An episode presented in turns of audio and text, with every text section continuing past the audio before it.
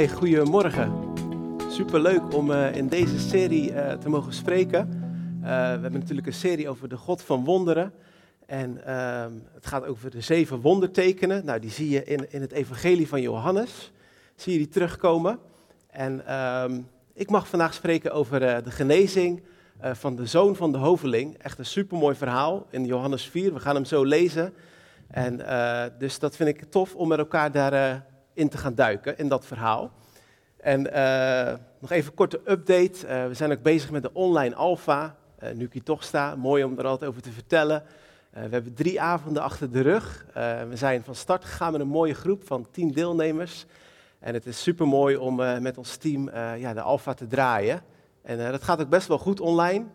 We hebben, het grootste gedeelte van de mensen komt uit Ede en omstreken, maar we hebben ook eh, vier mensen vanuit andere provincies, eh, echt een heel stuk bij Ede vandaan. En uh, superleuk dat dat zo ook kan met de online alfa. Dus dat is mooi. En ik mag dus spreken over de zoon van de hoveling, een van de zeven wondertekenen in het evangelie van Johannes. En ik wil dat graag met jullie gaan lezen. Het staat in Johannes 4 en dan lees ik vanaf vers 46 tot 54. En er staat het volgende daar staat, en Jezus ging in Galilea weer naar Cana, waar hij van water wijn had gemaakt. Er was daar een hoveling uit Capernaum, wiens zoon ziek was. Omdat hij gehoord had dat Jezus uit Judea naar Galilea was teruggekeerd, was hij naar hem toegekomen. En nu vroeg hij of Jezus mee wilde gaan om zijn zoon, die op sterven lag, te genezen. Jezus zei tegen hem, als jullie geen tekenen en wonderen zien, geloven jullie niet. Maar de hoveling drong aan, Heer, ga toch mee voordat mijn kind sterft. Ga maar naar huis, zei Jezus, uw zoon leeft. De man geloofde wat Jezus zei en ging weg. En terwijl hij nog onderweg was, kwamen zijn dienaren hem al tegemoet om te zeggen dat zijn kind in leven was. Hij vroeg hun sinds wanneer het beter met hem was gegaan. Ze zeiden gisteren, één uur na de middag, is de koorts verdwenen. De vader besefte dat dat het moment was dat Jezus tegen hem gezegd had, uw zoon leeft. Hij kwam tot geloof, hij en al zijn huisgenoten. Dit deed Jezus toen hij uit Judea naar Galilea was teruggekeerd. Het was zijn tweede wonderteken. Super bijzonder verhaal. Uh, er is daar een uh, man, die wordt een hoveling genoemd. Nou, dat was een soort van uh, hoge ambtenaar in dienst van de koning. En die had een, een, een zoon, zijn jongen, en die lag met hoge koorts op bed. Uh, en ja, zo gevaarlijk dat, dat hij bijna op sterven lag. En die man die had gehoord dat Jezus van Judea naar Galilea was gegaan. En die man die wilde Jezus zien en hij geloofde dat Jezus zijn zoon zou kunnen genezen. En Jezus was in Cana op dat moment. En in Cana, daar heeft hij ook uh, water in wijn veranderd. En uh, dan heb je Capernaum en daar is waar die, waar die man woonde, die, die hoge ambtenaar met zijn zoon. En dat is 25 kilometer bij Cana vandaan. Dus heel s ochtends vroeg was die vader was die gaan lopen richting Jezus. En toen rond de middag, rond 1 uur in de middag, kwam hij Jezus tegen. En, kwam hij, en, en stelde hij zijn vraag of dat Jezus met hem mee wilde gaan om zijn zoon te genezen. En dan gebeurt er iets indrukwekkends. Jezus gaat niet met hem mee naar Capernaum, maar Jezus spreekt vier woorden en Jezus zegt: Ga heen uw zoon leeft. Nou, dit is echt een heel bijzonder wonderteken. En uh, nou, in heel de Bijbel zie je natuurlijk ook wonderen en tekenen, zowel in het Oude als in het Nieuwe Testament. Uh, je ziet bijvoorbeeld ook in de levens van Mozes en Elia zie je ook, ook hele bijzondere wonderen en tekenen plaatsvinden. Maar dit werd wel gezien als, als heel bijzonder. Want door de kracht van Jezus' woorden genas die zoon, 25 kilometer verderop op datzelfde moment. En uh, dit is indrukwekkend. En, en die zeven wondertekenen, die zijn niet alleen maar opgeschreven omdat het mooie wonderen zijn of mooie tekenen, maar die wijzen echt ergens naartoe. Dus die wondertekenen, die moeten, die moeten, die moeten, die laten iets zien, die wijzen ergens naartoe. En die, die laten zien eigenlijk dat Jezus de Zoon van God is. En wij vandaag weten dat, Jezus is de Zoon van God. Maar die mensen in die tijd, ja, wat moesten ze denken van Jezus? Wie was hij? Was hij een tweede Elia? Was hij een tweede Mozes? En Johannes heeft deze dingen speciaal opgeschreven, zodat mensen zouden zien, ja, Jezus is niet alleen mens, maar ook God zelf. Jezus is, is de zoon van God. Een heel bijzonder wonderteken. En, en toen ik dacht aan de kracht van deze woorden van Jezus, ja, toen moest ik ook denken aan, aan, aan het scheppingsverhaal in Genesis. Dat, dat God, God sprak en het was er. Er was, er was zoveel kracht in de woorden van God, dat wat hij uitsprak, dat kwam tot aanzijn. Wat, wat, wat hij was, dat kwam er. En je ziet ook gewoon diezelfde kracht in de woorden van Jezus. Jezus zei, ga heen, uw zoon leeft. En het gebeurde. En dat is mooi, dat zie je ook bijvoorbeeld in Johannes 1 zie je dat al. Dan staat er zo mooi, in het begin was het woord. En dat, is dan, dat gaat dan over Jezus. Het woord was bij God en het woord was God. Het was in het begin bij God en alles is erdoor ontstaan. En zonder dit is niets ontstaan van wat bestaat. In het woord was leven en het leven was het licht voor de mensen. Nou, nu zie je dat letterlijk gebeuren. Er was letterlijk leven in de woorden van Jezus. Hij sprak, ga heen, uw zoon leeft. En letterlijk herstelde die zoon van, uh, van de ernstige koorts die hij had. En, en dan, als je je gaat verplaatsen in die man, die vader van die zieke zoon, is het nog wel een uitdaging om dan op die woorden te vertrouwen. Want ja, hij heeft 25 kilometer gelopen, hij is ochtends in alle vroegte weggegaan en dan om één uur, dan ziet hij Jezus en het enige wat hij meekrijgt zijn vier woorden. Ga heen, uw zoon leeft. En daar moet hij het mee doen. Maar we zien wel in het verhaal, als we het lezen, dat die man vertrouwde op die woorden van Jezus. En ik vond het heel interessant, want hij, hij ging terug, hij moest nog weer 25 kilometer terug gaan wandelen op diezelfde dag. Dus dat is 50 kilometer bij elkaar op een dag. En het interessante is dus dat die man, die komt niet op dezelfde dag thuis.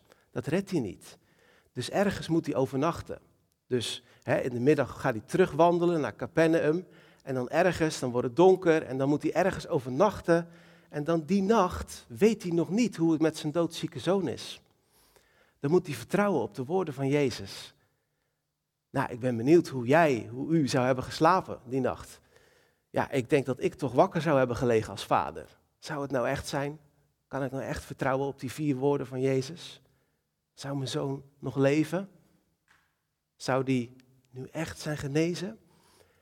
En uh, dat is een uitdaging. En ik noem dat het terugreismoment. Die terugreis, dat is, dat is een uitdaging geweest voor die man. Die man moest vasthouden aan die vier woorden van Jezus. En dat is met ons soms ook zo in het leven. Soms dan hebben we nog niet de antwoorden, dan zien we nog niet de oplossing, dan zien we nog niet de uitkomst. En dan kennen we wel Gods beloftes, maar we zien het nog niet met onze natuurlijke ogen. En dan, dan is de uitdaging om, om vast te houden, je geloof, je vertrouwen. En dat is moeilijk soms. Ik heb wel een mooi verhaal. Uh, Judithja en ik uh, doen een aantal jaar al zendingswerk en we hebben soms reizen gemaakt. En uh, we hebben ook een aantal jaar bij Jeugd met een opdracht gewerkt. En toen hebben we op een gegeven moment een, uh, een discipelschapstrainingsschool gedaan met een outreach naar China. Super mooi. We zijn drie maanden in China geweest. En, maar ik was benoemd tot de penningmeester van de groep. We waren een groep met twaalf mensen en ik, ik was de penningmeester. En nou, de vliegtickets waren duurder uitgevallen. Um, en, dus we hadden best een heel krap budget eigenlijk voor die drie maanden in China. Nou, en dat, dat, dat budget was voor eh, eten en drinken, ehm, huisvesting, dat soort dingen. En ik hield dat allemaal netjes bij elke week. En toen op een gegeven moment hadden we nog zes weken voor de boeg. En toen ging ik vooruitrekenen, want ik wist hoeveel we ongeveer elke week gebruikten. En toen ging ik vooruitrekenen en toen zag ik, hé, hey, oh nee, we gaan in het rood eindigen. Dit gaat niet goed komen. Dus ik was uh, gespannen. Ik maakte me zorgen. Ik voelde me verantwoordelijk als penningmeester om te zorgen dat het goed zou gaan. En ik maakte me zorgen. En in die vrije tijd die ik dan had met mijn vrouw, had ik het daarover. Dat is natuurlijk zonde eigenlijk. Maar goed, het is, het is hoe het was. En ik maakte me zorgen en ik, ik kende de belofte. Ik weet, God voorziet. er staan beloftes van in de Bijbel. Uh, bij Jeugd met de Opdracht hebben ze het daar ook vaak over. En ik wist het en toch vond ik het moeilijk om in die tijd dat ik het nog niet zag, om het vast te houden. Nou, en God heeft voorzien. In de laatste twee weken gingen we naar Beijing toe, naar Peking.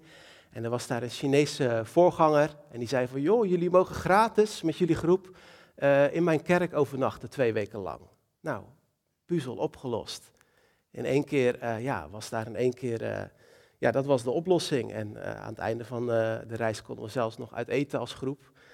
En ehm, dus ja, God voorziet, maar ook in die tijd dat je het nog niet ziet, is het belangrijk om je vertrouwen vast te houden in de woorden van Jezus. Het is zo jammer als je dan vol zit met zorgen en spanning. Maar uit ervaring weet, het, weet ik hoe moeilijk dat is op die momenten dat je het nog niet ziet. Om vast te houden aan de woorden van Jezus. Dat is de uitdaging. En uh, daar kom ik straks aan het einde van mijn preek nog iets verder op terug. Maar wat we hier zien is dat Jezus spreekt, spreekt woorden van leven. En dat is de titel van mijn preek ook. Ga heen, uw zoon leeft. Woorden van leven.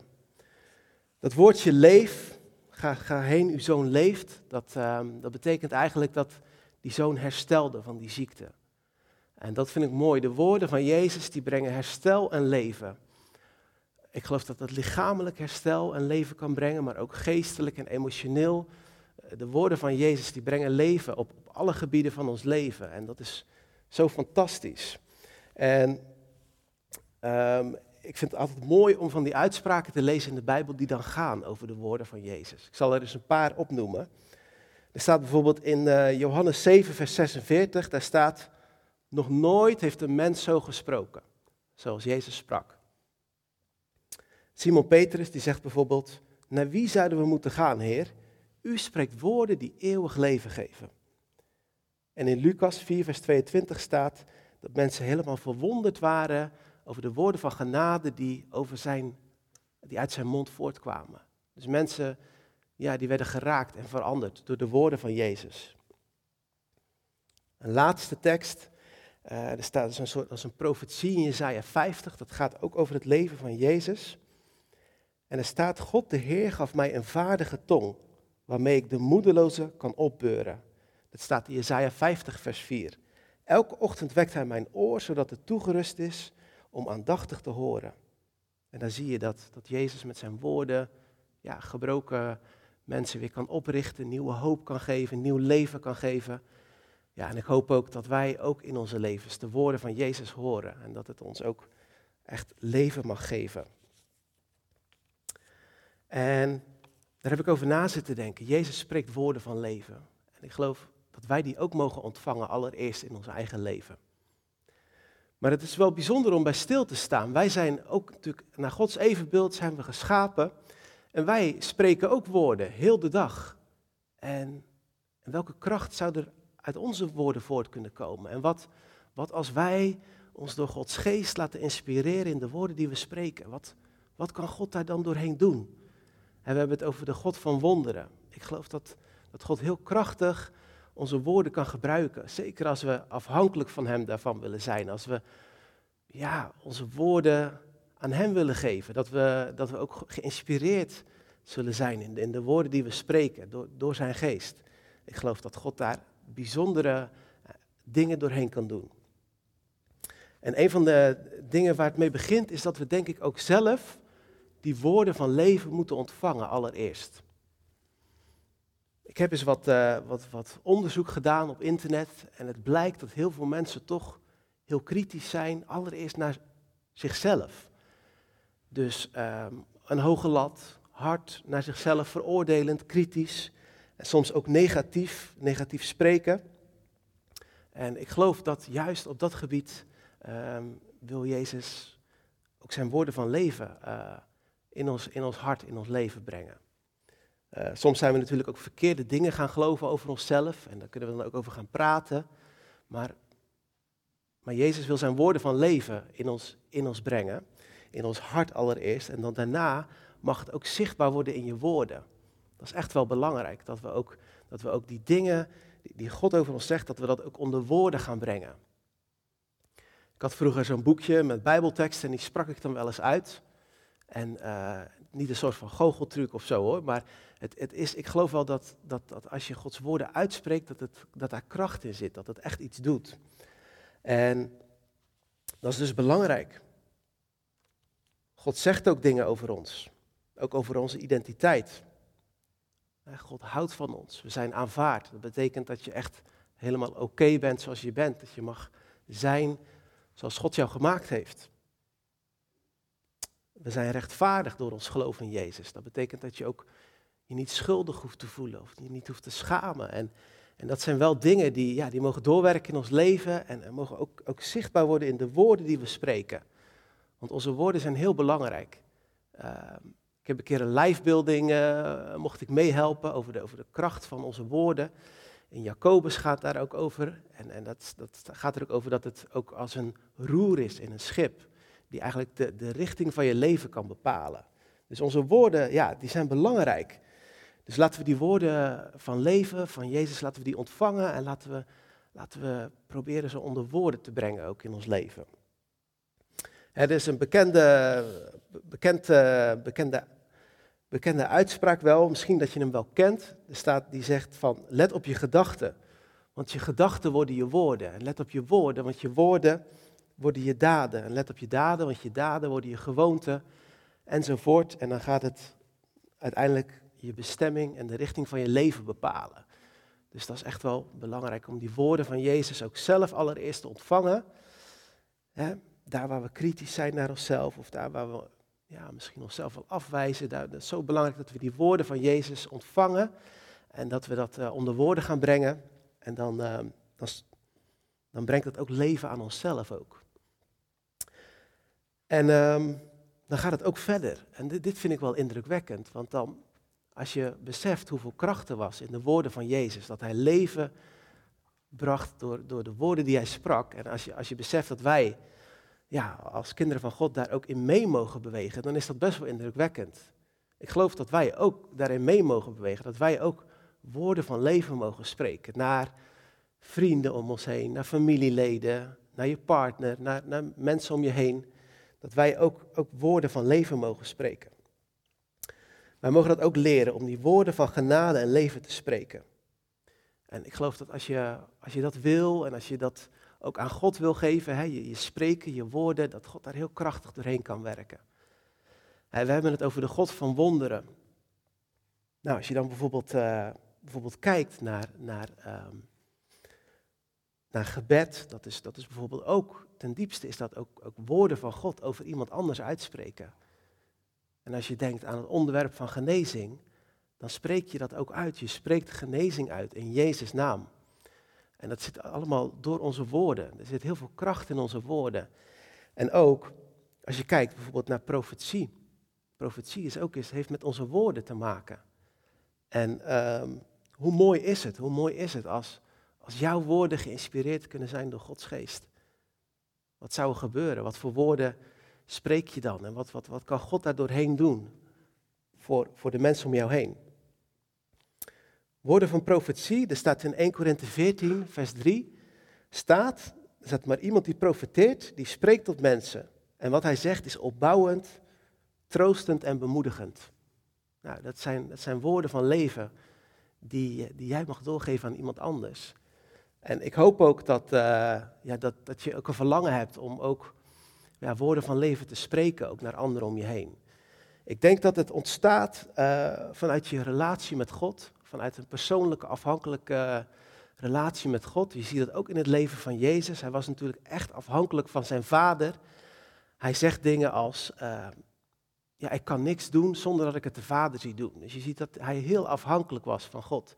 Ik denk als wij ook met, met de woorden die wij spreken ook afhankelijk willen zijn van God, ja, dan kan er zomaar ook die woorden van leven ineens ook door ons heen stromen, naar andere mensen heen. Ik geloof dat God daar wonderlijke en, geweldige dingen doorheen kan doen. Dus ja, strek je daar ook naar uit. Profetie is ook iets ja, wat we ook mogen leren. We hoeven daar ook niet volmaakt in te zijn. Betekent ook niet dat we het altijd goed hebben. we mogen daar gewoon op een ontspannen manier, mogen we dat gewoon doorgeven. Soms, misschien herken je het wel eens, dat je soms op het hart hebt om, om iets tegen iemand anders te zeggen. En uh, nou, ik vind dat zelf altijd een beetje spannend. Uh, maar als je er dan uitstapt en, en, en het klikt bij mensen en het is bemoedigend, dan vind ik het altijd hartstikke mooi om daar uh, mee bezig te zijn. En dus ja, ik wil je ook aanmoedigen om, om je daar naar uit te strekken. Om je daar, om, om die zin ook je woorden geïnspireerd te laten zijn door Gods geest. En dan, dan kan Hij door jou heen spreken. Dat, dat geloof dat Hij dat wil doen. Het mooie vind ik ook wel, ik denk als we in afhankelijkheid van God uh, leven En, eh, en, we willen dat, dat zijn woorden ook, ook dat, dat, dat we zijn woorden ook spreken naar anderen. Dan kan het soms ook maar eens ineens spontaan ontstaan. Ik heb ook wel eens gehad dat ik een gesprek had met mensen en dat ze iets tegen me zeiden, gewoon spontaan. En dat ik gewoon echt wist van wauw, dit, dit is echt, hier spreekt God doorheen tot me. Dus dat, dat kan ook, dat God gewoon spontaan door je heen spreekt. Als je leeft vanuit relatie met Hem en je wil dat, dat jij ook woorden van leven spreekt, dan gaat God dat doen. En, uh, maar laat je ook toerusten op dit gebied. er komt uh, een, mooie, een mooie webinar aan over profetie. Ik bedoel, uh, volg het, laat je toerusten op dit gebied en ontdek wat, wat God ook, ook door jou heen wil doen. Dus ja, woorden van leven, woorden van leven ontvangen en ook spreken naar anderen. En ik, wil, ik wil afsluiten met, ehm, met onze woorden tijdens de reis. Want ja, we mogen woorden van leven ontvangen en we mogen woorden van leven spreken. Ehm, maar tijdens die reis, dan, dat is de uitdaging. En uh, dan denk ik terug aan die man. Die man die vijf uur lang terug moest wandelen van Cana naar Capernaum. En dan moest hij ook nog een nacht slapen. En de volgende ochtend hoorde hij pas van zijn dienaren dat zijn zoon was genezen. Maar al die tijd was hij in afwachting. En ik vraag me af, wat voor woorden heeft die man gesproken? Vertrouwde hij op God of heeft hij woorden gesproken van, nou, ik weet het toch niet, ik twijfel. Misschien is mijn zoon wel overleden inmiddels. En, dat is dus de uitdaging. Ik denk de uitdaging is op de momenten dat je het antwoord nog niet ziet, uh, op de momenten dat je de uitkomst nog niet ziet. En je, hebt, je ziet alleen de belofte van God, maar je ziet, je ziet nog niet hoe of wanneer dat, dat is de uitdaging. Dat is juist uh, de periode waarin je moet letten op je woorden. En dan is het vaak heel moeilijk. Um, wij, hebben ook wel op verschillende plaatsen gewerkt, met, gewoond met ons zendingswerk. En dat is soms best wel lastig als je van de een naar de andere plaats gaat. Als je dan op een nieuwe plaats komt, dan moet je toch opnieuw wortelen, opnieuw visie vinden en, en ontdekken ja, wie je bent. En uh, ik merkte juist wel in die periodes vond ik het wel lastig om, om op mijn woorden te letten, om goede woorden te blijven spreken. Dus juist in periodes dat ik het even niet wist, dat ik niet, de visie wist voor mijn leven, ja, dan ging ik soms ook negatief praten, om eerlijk te zijn. En dan, en is het gewoon zo dat je jezelf echt de put kan inpraten. Dat is gewoon niet alleen een gezegde, maar dat is ook zo. En uh, ik moest voor mezelf toen ook echt een omslag maken om gewoon weer woorden van geloof en vertrouwen te gaan spreken. En dan is het ook echt zo dat met de woorden van God je ook gewoon echt ook weer boven dingen kan uitkomen, uit de put kan komen. En, uh, en dat, is, dat is de uitdaging om juist in die, in die tijden dat je het even niet ziet, toch woorden van geloof en vertrouwen te spreken. En daar wil ik nog kort iets over zeggen, want het is ook niet zo dat we uh, nooit eens uh, negatief mogen zijn of niet mogen klagen of ons hart mogen uitstorten, want die kant hoort ook bij het leven, mag er ook zijn. Want ik zie dat namelijk ook in het leven van David. David die is soms gewoon, gewoon boos in de psalmen. Hij stort zijn hart uit. Um, hij stelt zijn vragen. Hij klaagt. En dan aan het einde van de psalmen zie je vaak weer dat hij toch ook weer woorden van geloof gaat spreken. En uh, ja, daar wil ik je ook toe aanmoedigen om, uh, om, als het moment daar ook weer is, om ook gewoon weer woorden van geloof en vertrouwen te gaan spreken. En dan, uh, dan gaat God daar doorheen werken. En daar, daar wil ik afsluitend ook voor bidden. En misschien zit je ook wel in, ja, in zo'n terugreismoment, net zoals die man. Misschien zit je wel op het moment dat je zoekende bent naar antwoorden op bepaalde gebieden uh, van je leven. Misschien wel op het gebied van werk, misschien wel uh, op het gebied van Gods plan voor je leven, voor de toekomst. Misschien weet je het niet helemaal. Nou, dat is lastig, dat is lastig. En, en, en misschien weet je alleen gewoon welke beloftes van God er voor je zijn. En ja, ik wil je bemoedigen om, om, om eraan vast te houden aan de belofte van God. En om daar ook over te spreken. En, uh, want hij is trouw en hij gaat het doen. En uh, daar, wil ik, uh, daar wil ik graag voor bidden. Heer Jezus, ik wil u danken dat we mochten kijken naar eh, de wondertekenen. En mochten we zien hoe, hoe groot u bent, Heer Jezus. Toen u sprak, toen genas die zoon op 25 kilometer afstand. Heer, wat een wonder. Wat een kracht zit er in uw woorden, Heer Jezus. Vader, ik wil bidden dat we ze mogen ontvangen voor ons eigen leven ook, Heer. En ik bid ook dat u ons vervult met uw Heilige Geest en dat we ook ja, in onze woorden ook afhankelijk van u mogen leven, Heer. Dat wij ook woorden van leven mogen spreken, Heer, naar anderen om ons heen. Heer, of dat we er nou soms heel bewust van zijn, of dat het soms spontaan komt. Heer, wilt u die woorden van leven ook, ook door ons heen spreken naar anderen, Vader? Vader, en ik bid ook uh, speciaal voor mensen die zich misschien op zo'n terugreismoment bevinden. Uh, wel uw belofte en uw woorden kennen, maar niet precies de antwoorden of de uitkomst nog zien, of niet precies weten hoe dingen zullen lopen. Vader, ik bid, Heer, dat u uh, op dit moment tot hun spreekt. En uw woorden van leven tot hun spreekt. En uw beloftes tot hun spreekt. En Vader, zo bid ik, Heer, dat we daaraan mogen vasthouden. En uh, Vader, ik bid, Heer, dat u uw wonderen doet tot ons leven. In Jezus' naam. Amen. Yes, mooi. Dankjewel, Willem. Ja. Mooie, mooie woorden. Hey, om mee te beginnen, een vraag waar jij alvast even over na kan denken.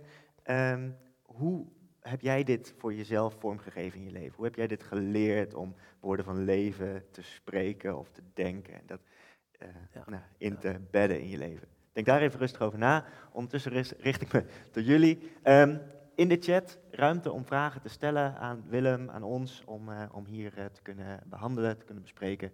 Als je zegt, nou ik wil hier eens wat meer over weten, of hoe heeft Willem dat uh, zelf ervaren. Stel die vragen, voel je daar, voel je daar vooral vrij in om dat in de chat te zetten. Dan gaan we die hier bespreken. Kom ik weer bij jou terug. Ja. ja. Hoe heb ik dat geleerd? Um, ik heb wel ontdekt dat Bijbellezen is goed, maar ook wel het uitspreken van, van, van, van die waarheden die er in Gods woord staan, dat daar best wel kracht van uitgaat. Mm -hmm. Hoe het werkt, werkt weet, weet ik niet precies, maar het is wel um, soms als je even in je gedachten misschien strijd hebt of, of, of negatief, negatieve gedachten hebt of vragen hebt, dan merk ik soms wel dat als je dan bepaalde teksten uit Gods woord leest, dat het dat dat wel iets kan doen, zeg maar. Misschien niet gelijk, maar mhm. dat het wel iets teweeg brengt. En um, dus, dus dat is hoe ik het heb ontdekt. En het is ook wel iets uh, waar ik nog volop in moet leren. Ik, uh, ik bedoel, er is ook nog veel werk aan de winkel. Ik, hoe, hoe, leer je dat? Hoe, hoe, ontwikkel je je daarin? Want het, nou ja, ja. ik heb het gevoel, hè, die, de tekst die je las, die man, die werd soort van in diepe gegooid. die had, die had ja. een paar woorden van Jezus gekregen en daar moest hij het eigenlijk maar gewoon mee doen. En hij had al wel geloof om naar Jezus toe te gaan, maar dat was het dan ook. Tegelijkertijd krijgen wij voor mijn gevoel meer de ruimte om het nou ja, stap voor stap uh, verder in te groeien en te ontwikkelen. Hoe doe jij dat? Ja, ja het is. Uh,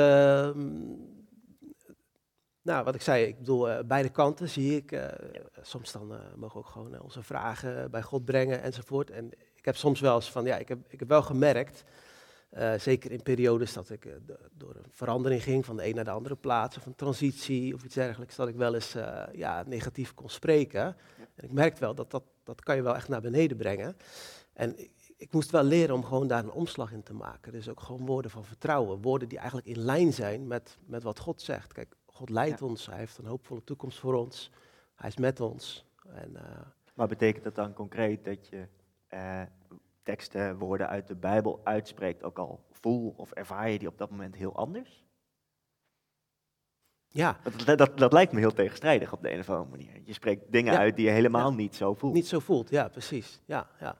Ja, maar dat kan wel soms zo zijn. Soms dan kun je toch uh, bijvoorbeeld ook, ook over je eigen identiteit, bijvoorbeeld bepaalde dingen zijn gaan geloven en, en Gods ja. woord, die, dat laat de waarheid zien. Dat kan soms botsen met wat je, wat je gelooft. Uh, wat, wat er leeft. Ja, precies, precies, ja. Um, dus, uh, en het is niet zo dat ik dan per se bijbelteksten heel tijd uitspreek, mm -hmm. maar wel gewoon dat je, dat je in, in de woorden die je spreekt, dat dat wel in lijn is met, met, met, met de waarheden van God. Dus eigenlijk wat je doet is de waarheid die God over je uitgesproken ja. heeft, die in de Bijbel staat, Precies, die stel je boven dat wat je op dat moment voelt. Ja. Die maak je meer waard door ze of uit te spreken of te blijven herhalen of vaker te lezen worden, ze, worden ze meer waard. Ja, ja precies, precies. Ja. Gaaf. Ja. En die, die, die 25 kilometer, die, die, voelt voor mij een beetje als een symboliek. Ja. ja dat is een beetje, dat is, ik zat een beetje te rekenen, wat is dat, een uurtje of vier, vijf lopen, dus dat is echt een end. Plus een overnachting, hele nacht spoken. Um, ja. Heb jij, heb jij ervaring met dat, je noemde China al, maar heb je ervaring met dat soort, soort terugreizen waarin je weet van er is iets En ik wilde echt heel graag geloven dat er echt iets moois over mijn leven beloofd is. Maar ik heb nog 25 kilometer plus een nacht te gaan. Waarin ik niet weet of het waar is. Of het echt gebeurd is. Of dat wonder, of dat die belofte echt waar geworden is. Heb je daar, heb je daar ervaringen mee? Ja. Ehm, ja, ik denk dat dat ook gewoon eh, zo is in het leven. Het is natuurlijk een reis. En, en, en wij zien niet alle, alle antwoorden, alle uitkomsten. Dus dat is, dat is gewoon. Uh, en we moeten ook gewoon van de reis genieten. En, um, zou die dat gedaan hebben? Op de, op de terugweg, genoten van de reis? Ja, ja dat weet ik niet. dat lijkt me moeilijk. Ja, ja, ja. Uh, dus ja, maar ja, die momenten, uh, zeker met Gods voorziening, uh, met zendingswerk, leef je soms ook in geloof voor een deel. En dan weet je, God voorziet en dan soms zie je het nog niet. En dan, dan is het vertrouwen, wachten. En dan, dan op een gegeven moment zie je het wel realiteit worden. Ja. Dus, maar ja, er zijn altijd dingen nog in het vooruitschiet, dingen die wij nog niet zien, die nog niet realiteit zijn geworden in, het, in wel, je leven. Die wel beloofd zijn, ja. maar nog niet waar geworden zijn. Ja, precies. Ja. Ja. En dan? dan? Dan moet je je daar op de een of andere manier aan vasthouden, maar je weet pas of het waar is. Hij wist het ook achteraf pas en wij lezen dat dan. Het, eigenlijk, eigenlijk is maar een heel klein verhaaltje natuurlijk. Je leest er heel snel overheen. Dan lees je het en denk je, ja, ja, waar hebben we het over? Maar het gaat wel over het leven van zijn zoon. Het gaat over een belofte ja, ja. Die, die, die waar is of niet. Ja, precies. Ja, ik vind, ja, die man, het oogt best wel alsof dat hij vertrouwen had in die vier woorden. Dus dat vind ik best wel indrukwekkend, dat geloof van die man. Ja. Dus Dat is, dat is, ja, dat is, uh, maar dat is heel uitdagend, vind ik persoonlijk. Ja. Ja. Gaaf. Ik krijg ondertussen, je zag het ook, ik krijg wat ja. vragen vanuit de chat. Um, nou. Ga eens even kijken wat, daar, wat daaruit komt. Als je ziet dat andere mensen in de put zitten, hoe kun jij dan het beste woorden van leven geven? Ik denk een mooie vraag, het hield mij ook al een beetje bezig. Hè? Je, je, je, wil niet loze woorden ja. geven natuurlijk. Ja. Je wil wel echt, echtheid spreken op de een of andere manier. Niet zeggen, het komt ja. goed. Ja, ja, ja. Ja, dat is een mooie vraag. En, uh, um, ja, het is natuurlijk sowieso mooi als je, als je het idee hebt dat God um, bepaalde dingen aan je duidelijk maakt die je dan mag zeggen tegen een ander. Ja. Um, kan een mooie bijbeltekst zijn, kan een beeld zijn. Ja, soms is het natuurlijk ook gewoon meeleven, er zijn voor mensen. dus ja, ik, ja, ja dat, dat zou, dat, daar zou ik me dan naar uitstrekken. Ja, die woorden die, die God hoe God naar die situatie kijkt. Hoe God die naar die situatie kijkt ja. in plaats van hoe wij ja. mensen ja. ernaar kijken. Dat, dat, uh, ja. de dat, dat zijn uiteindelijk de echte woorden van leven eigenlijk. Ja, ja precies. precies. Ja. ja, inderdaad. Ja. Mooi. Ja. Deze vraag is wel mooi. De vraag is of je altijd die 25 kilometer moet lopen uh, om de goedheid van God te zien. Uh, dus, dus eigenlijk ja, zit, daar, zit daar altijd zo'n... Nee, het lijkt wel alsof er dan altijd een soort van die strijd bij hoort of zo.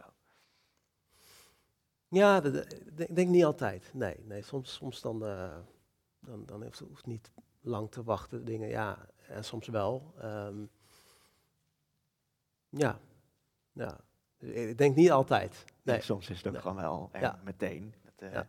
dat noemde Alfons vorige week natuurlijk ook. Hè? Ja. Als het gaat om genezing, soms is het gewoon, is het er meteen. Ja. Uh, en soms is, het, is die genezing absoluut uitgesproken over iemand. Ja. Um, en mag je daarin gaan staan en mag je dat geloven en tegelijkertijd gebeurt er op dat moment nog helemaal niks. Ja. Uh, of voel, er, ervaar je nog niks, maar mag je dat geloven en is het effect natuurlijk pas over weken uitgespreid. Dus daar zit natuurlijk wel, dat maakt het ergens ook moeilijk. Ja. Want het is, soms ja. is het een, een, misschien een kilometer, soms wel dertig. Uh, dat maakt nogal uit. Ja. Ja. Ja, ja. ja. Um, ja, je noemt hier, uh, eerst woorden van leven ontvangen. En de vraag is eigenlijk, hoe ziet dat in jouw dagelijks leven eruit? Hoe, hoe doe jij dat?